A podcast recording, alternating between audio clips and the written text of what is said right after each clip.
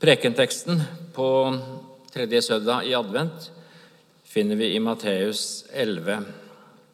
I fengselet fikk Johannes høre om alt Kristus gjorde.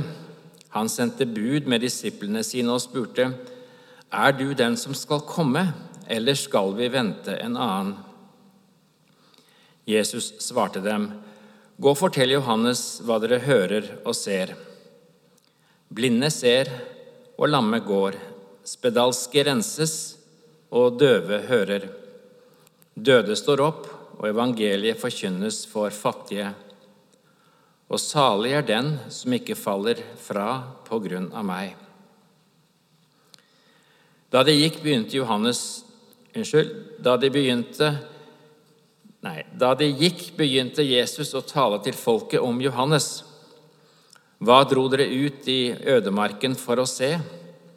Et siv som svaier i vinden? Nei. Hva gikk dere ut for å se? En mann kledd i fine klær? De som går i fine klær, bor i kongens slott. Hva gikk dere da ut for å se? En profet? Ja, jeg sier dere, mer enn en profet. Det er om ham som det står skrevet, Se, jeg sender min budbærer foran deg, han skal rydde veien for deg. Sannelig, jeg sier dere, blant dem som er født av kvinner, har det ikke stått fram noen større enn døperen Johannes, men den minste i himmelriket er større enn ham. I denne teksten står det altså at Jesus begynte å tale til folket om Johannes. Jeg hørte en gang en historie om en prest som gjorde nettopp det, åpenbart med utgangspunkt i denne teksten. Han eh, talte vel og lenge om døperen Johannes. Hvor hører han egentlig hjemme i lys av det Jesus hadde sagt? Hører han hjemme i den gamle pakt, eller hører han hjemme i den nye pakt? Og Så spør han retorisk hvor skal vi plassere døperen Johannes? Og Da var det en som reiste seg i kirkebenken. Du kan sette ham her, for nå går jeg.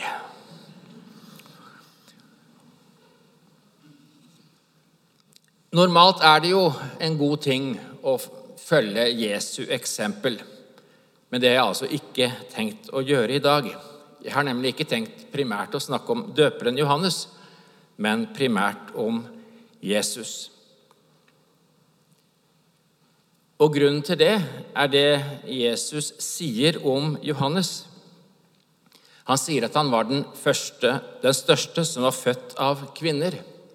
Men det begrunnes ikke i døperen Johannes' person, at han var en helt fremragende personlighet, den, den største av alle profeter. Nei, når Jesus sier at han er mer enn profet, så henger det sammen med hans rolle som budbærer. Han var et sendebud. Det var hans viktigste rolle, og det var der hans storhet lå.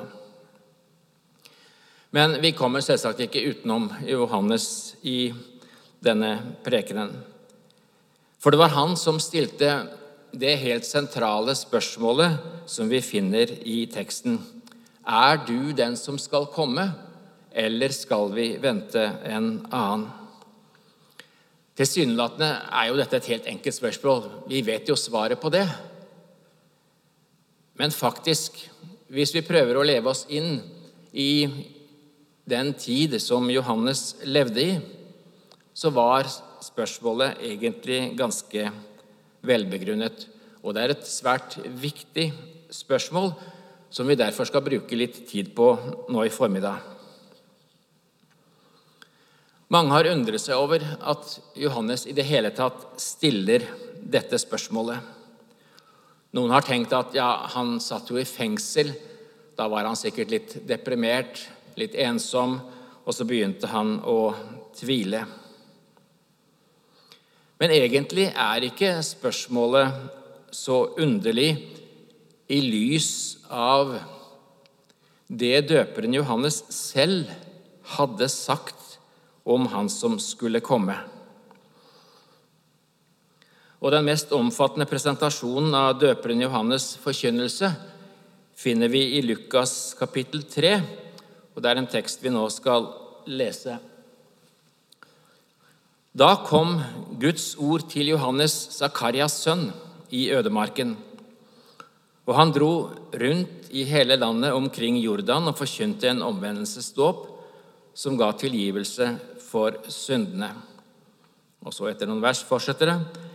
Mye folk dro ut for å bli døpt av Johannes, og han sa til dem, Ormeyngel, hvem har lært dere hvordan dere skal slippe unna den vreden som skal komme? Så bær da frukt som svarer til omvendelsen, og begynn ikke å si til dere selv, vi har Abraham til far.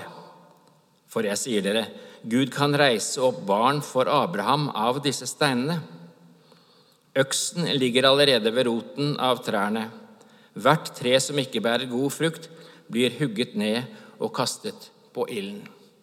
Og så, etter ytterligere noen ord om hva som er en, en rett livsførsel, så kommer følgende kommentar. Folket gikk nå i forventning og tenkte i sitt stille sinn at Johannes kanskje var Messias. Er du den som skal komme? var det noen som spurte, også når det gjaldt døperen Johannes. Han forkynte et veldig radikalt budskap. Han fremsto som en voldsom botsforkynner. Han kunne nok tale om en dåp som skulle bringe tilgivelse for syndene, men det var jo dommen som sto sentralt i hans forkynnelse. Øksen ligger allerede klar for å kunne hugge ned de som ikke bærer frukt. Men reaksjonen til folk er altså ja, kanskje nettopp han er Messias. Det kan kanskje virke overraskende for oss, for vi tenker vel først og fremst på Messias som frelseren. Og det er rett. Men det er ikke hele sannheten. Messias betyr jo den salvede, og det er et uttrykk som først og fremst brukes om Israels salvede konge. Og når det tales om Messias, tenkte man nok først og fremst på den ventede kongen av Davids ett, han som skulle skape evig fred og frihet for Israel.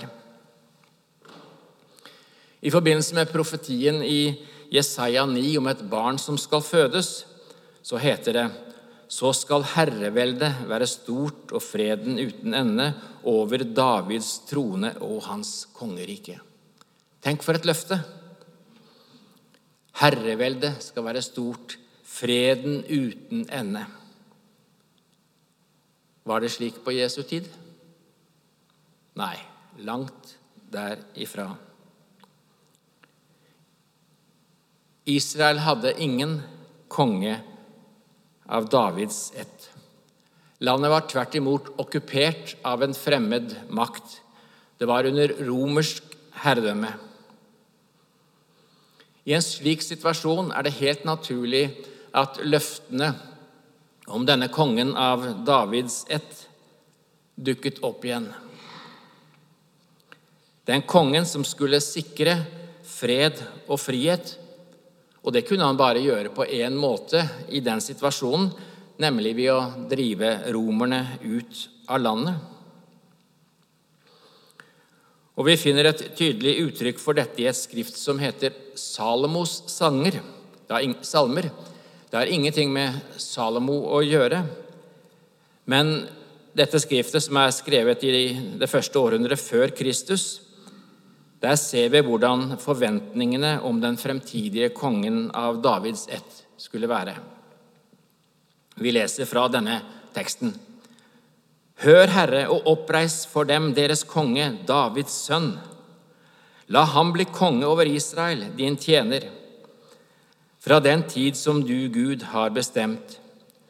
Utrust ham med styrke til å knuse urettferdige fyrster og rense ut av Jerusalem hedenske folk som tramper byen ned og ødelegger.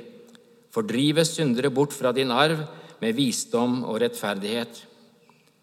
Med sin trussel skal han slå hedningene på flukt, bort fra sitt åsyn, og avdekke de skjulte tanker i syndernes hjerter. Han skal samle et hellig folk, som han skal lede i rettferdighet, og dømme stammene i det folk som er helliget av Herren hans Gud.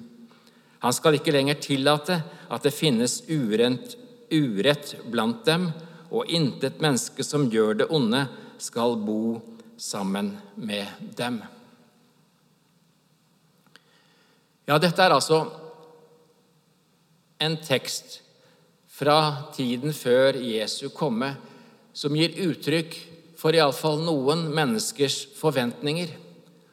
Og det er ganske brutalt, ville vi kanskje si, men nettopp i den historiske situasjonen de var, så er det kanskje ikke så underlig. De ønsker fred og frihet, og da må fienden nedkjempes.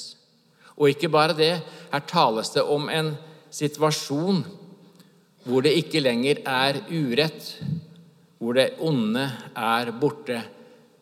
Ja, det er en evig fred og frihet og herlig tilstand.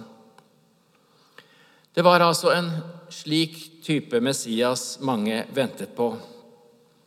Og det ser ut til at Johannes hadde lignende forventninger. Vi leste fra Lukas 3, og teksten fortsetter slik. Vi tar det ene verset om igjen. Folket gikk nå med forventning, og alle tenkte i sitt stille sinn at Johannes kanskje var Messias. Men hva er det døperen sier til dette? Han sier, Da tok Johannes til orde og sa til dem, Jeg døper dere med vann, men det kommer en som er sterkere enn jeg, og jeg er ikke verdig til å løse sandalremmen hans. Han skal døpe dere med Den hellige ånd og ild. Han har kasteskovlen i hånden for å rense kornet på treskeplassen.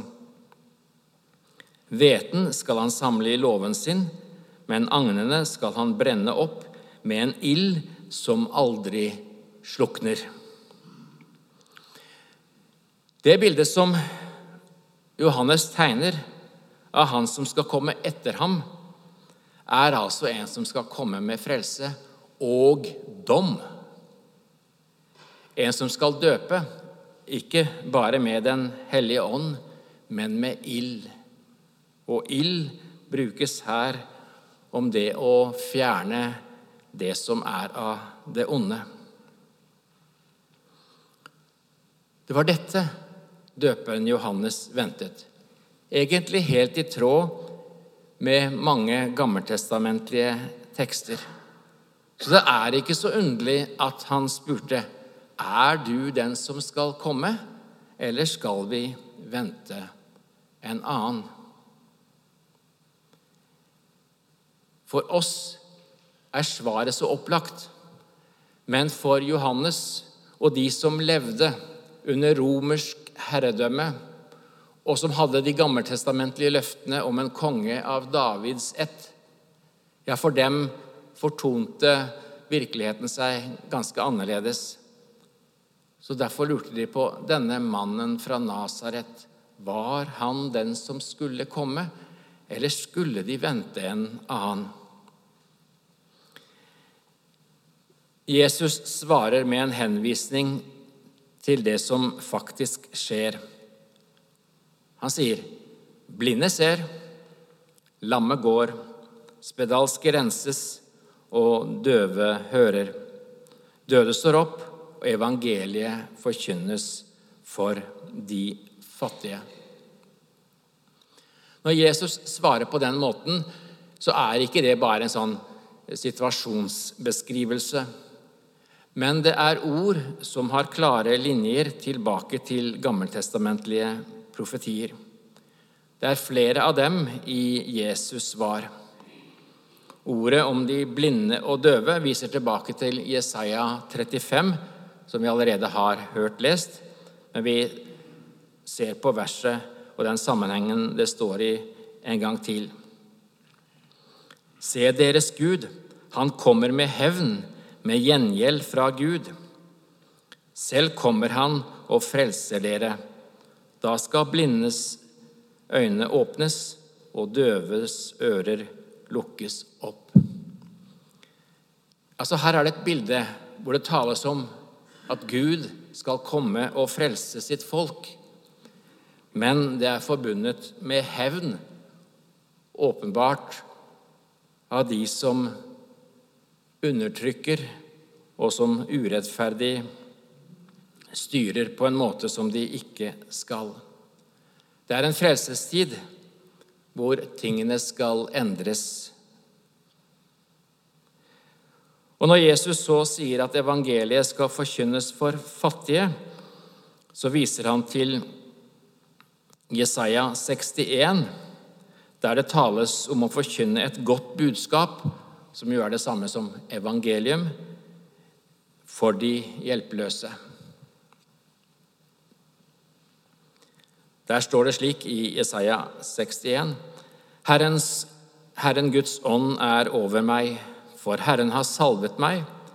Han har sendt meg for å forkynne et godt budskap for hjelpeløse, for å forbinde dem som har et knust hjerte, rope ut, et, rope ut frihet for dem som er i fangenskap, og frigjøring for dem som er bundet, for å rope ut et nådens år fra Herren og en hevnens dag fra vår Gud. Her tales det igjen om Guds frelseshandlinger, men også om hevnens dag. Akkurat det samme som vi hørte fra Jesaja 35. Frelse, hevn og straff kommer side om side. Det er derfor ikke så underlig at alle forventningene som vi finner spor av på Jesu tid, de kombinerer disse temaene frelse og dom, slik også Johannes forkynte. Nå er det ikke alle som lever opp til forventningene de har. Og sånn var det nok også da med Jesus. Det var mange som tenkte at han oppfyller jo ikke disse profetiene fullt, ut. Vi har interessant nok denne teksten fra Jesaja 61 i en annen sammenheng i Det nye testamentet. Den gang Jesus forkynte i synagogen i Nasaret, leste han nettopp fra Jesaja 61, men da er teksten gjengitt litt annerledes. Der står det at Jesus åpner bokrullen og leser. Herrens ånd er over meg, for han har salvet meg til å forkynne et godt budskap for fattige. Han har sendt meg for å rope ut at fanger skal få frihet og blinde få synet igjen, for å sette undertrykte fri og rope ut et nådens ord fra Herren. Punktum. Og hvorfor sier jeg punktum? Jo, for sånn vi leste teksten fra Jesaja 61 i stad, så var det jo en fortsettelse og en hevnens dag. Jesus taler ikke om en hevnens dag fra Gud. Jesus markerer med hvordan han leser denne teksten, hvor han, hvordan, hvor han stopper henne. At han ikke er kommet for å bringe hevn i forhold til synd og urett. Han var ikke kommet for å dømme og utrydde syndere. Han tok altså ikke det oppgjøret med synden og ondskapen og urettferdigheten og okkupasjonen som mange, inklusiv Johannes, hadde ventet på. Det der var faktisk et problem i kirkens eldste tid.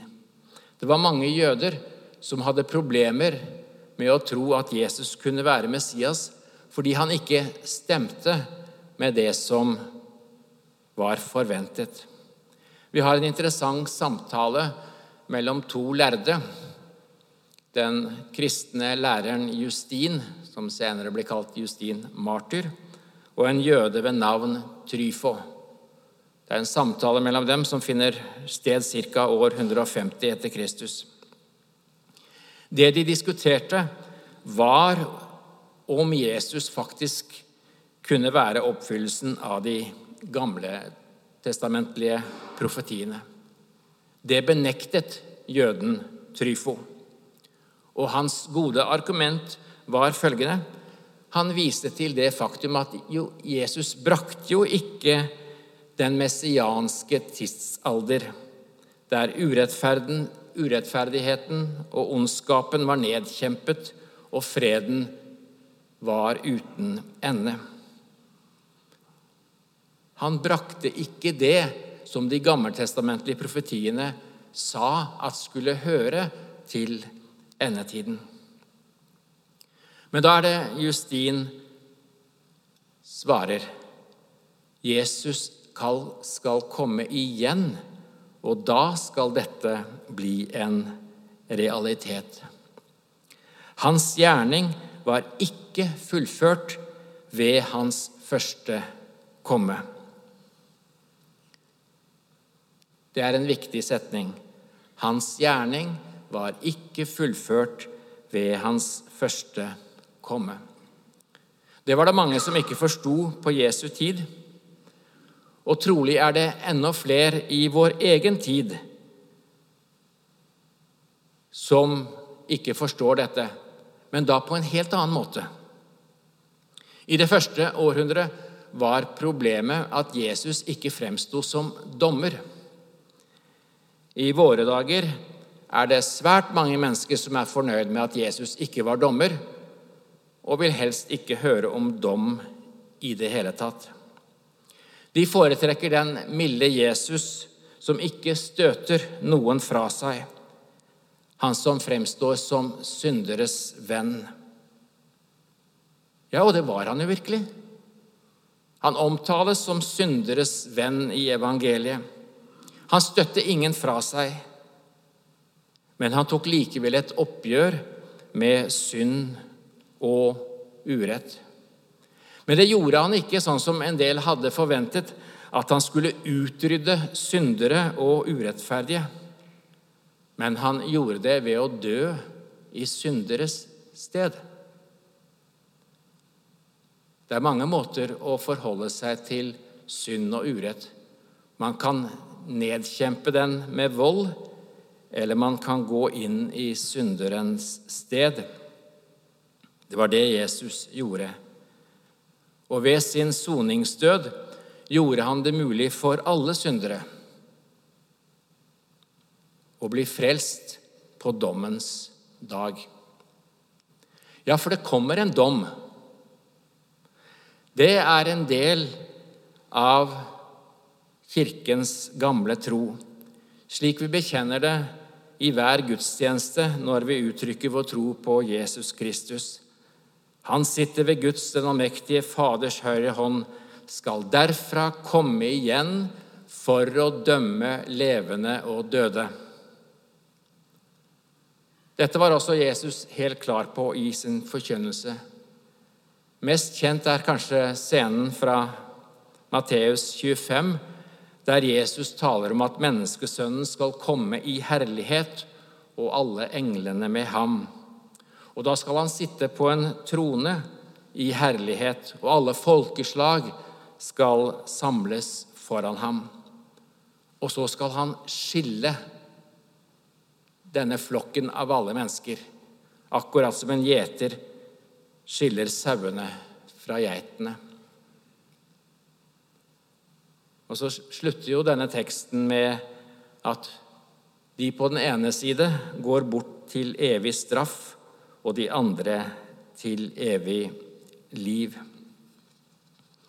Dommen vil komme, og utfallet vil være enten frelse eller fortapelse. Det nye testamentet taler om disse to mulighetene en frifinnelse eller en domfellelse. Den som ikke blir frifunnet, vil komme under Guds dom og under Guds vrede.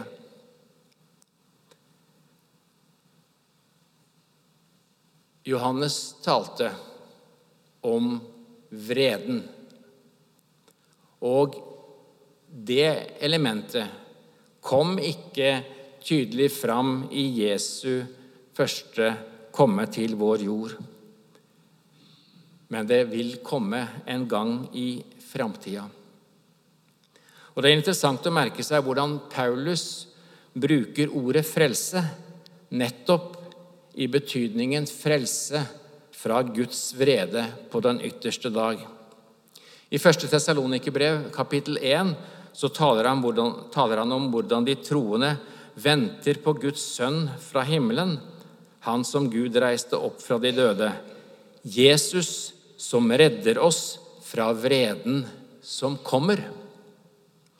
Og I Romerbrevet kapittel 5 sier han men Gud viser sin kjærlighet til oss ved at Kristus døde for oss mens vi ennå var syndere. Men når vi nå er blitt rettferdige ved Kristi blod, hvor mye mer skal, ikke, skal vi ikke da gjennom ham bli frelst fra vreden?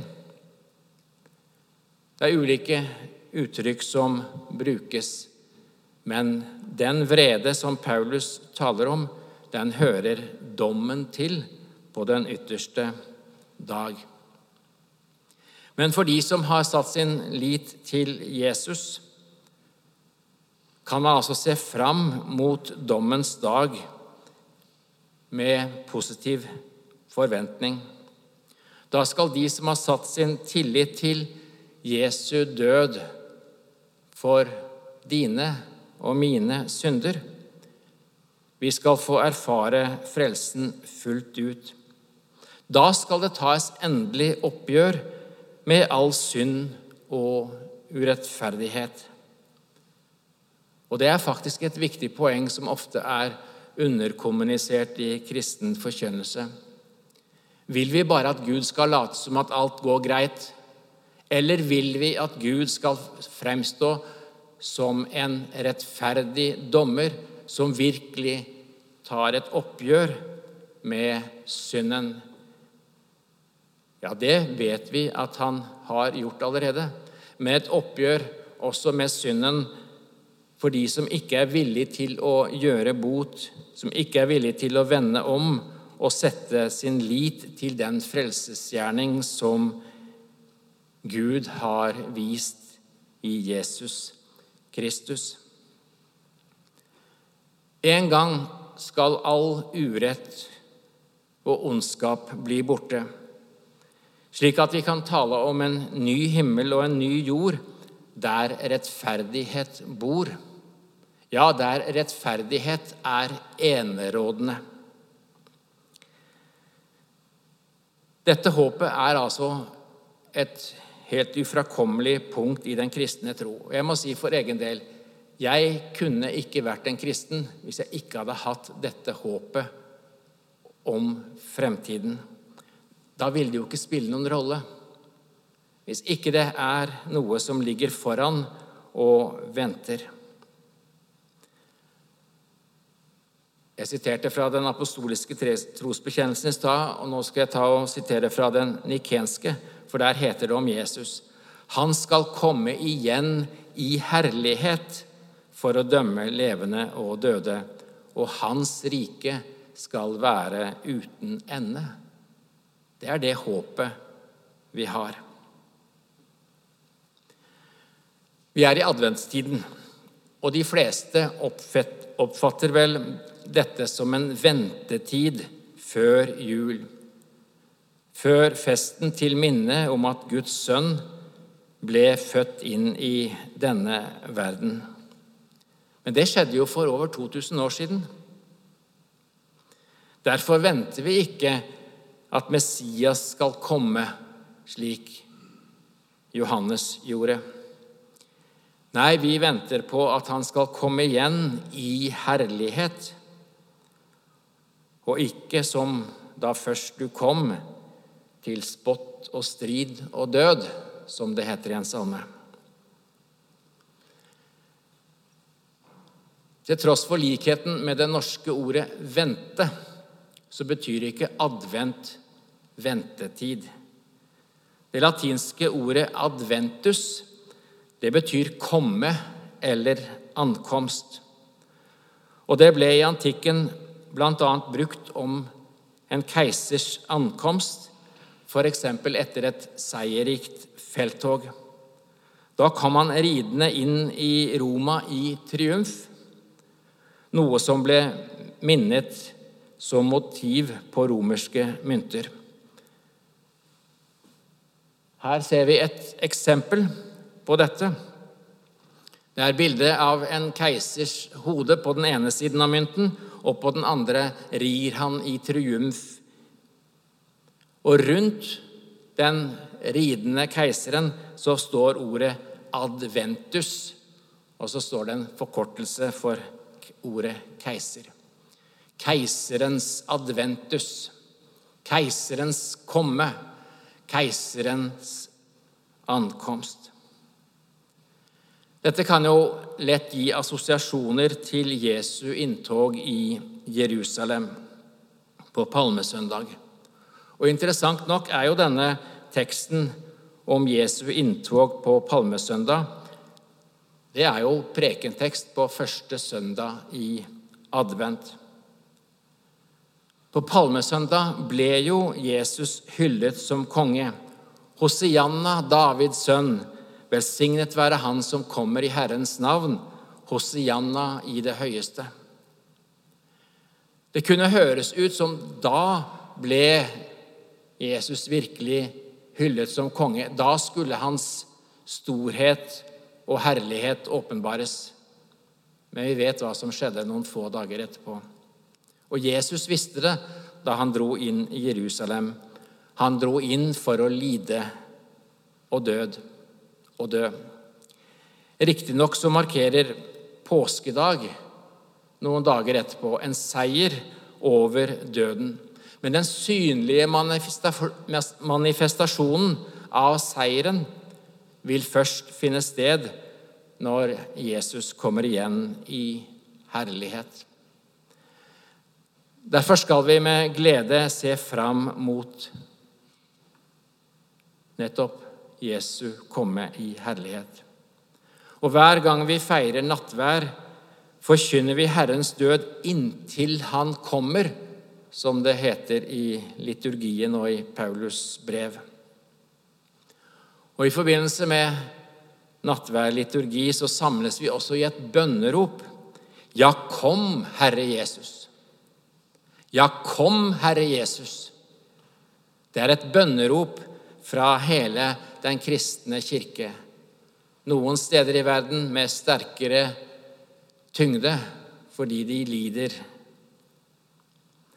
Men en slik bønn er skapt i alle troendes hjerter gjennom Guds ord og løfte. Den baserer seg på at Han som kalles Ordet, han har ved troen tatt bolig i våre hjerter som Paulus uttrykker det i Efeserbrevet. Helt tilbake til oldkirken har Kristi komme vært omtalt på tre måter. Han kom i kjøtt og blod da han ble født i Betlehem. Han kommer daglig i våre hjerter. Og han skal komme igjen i herlighet ved tidenes ende. Og på basis av det som fortelles om Jesu første komme, og på det faktum at han ved troen har kommet inn i våre hjerter, så kan vi altså tillitsfullt synge, slik som vi skal gjøre helt til slutt i dag. Kom, konge, kom i morgenglans, med herligheten klar som folket ditt har stundet mot. Kom, konge, kom, vær snar.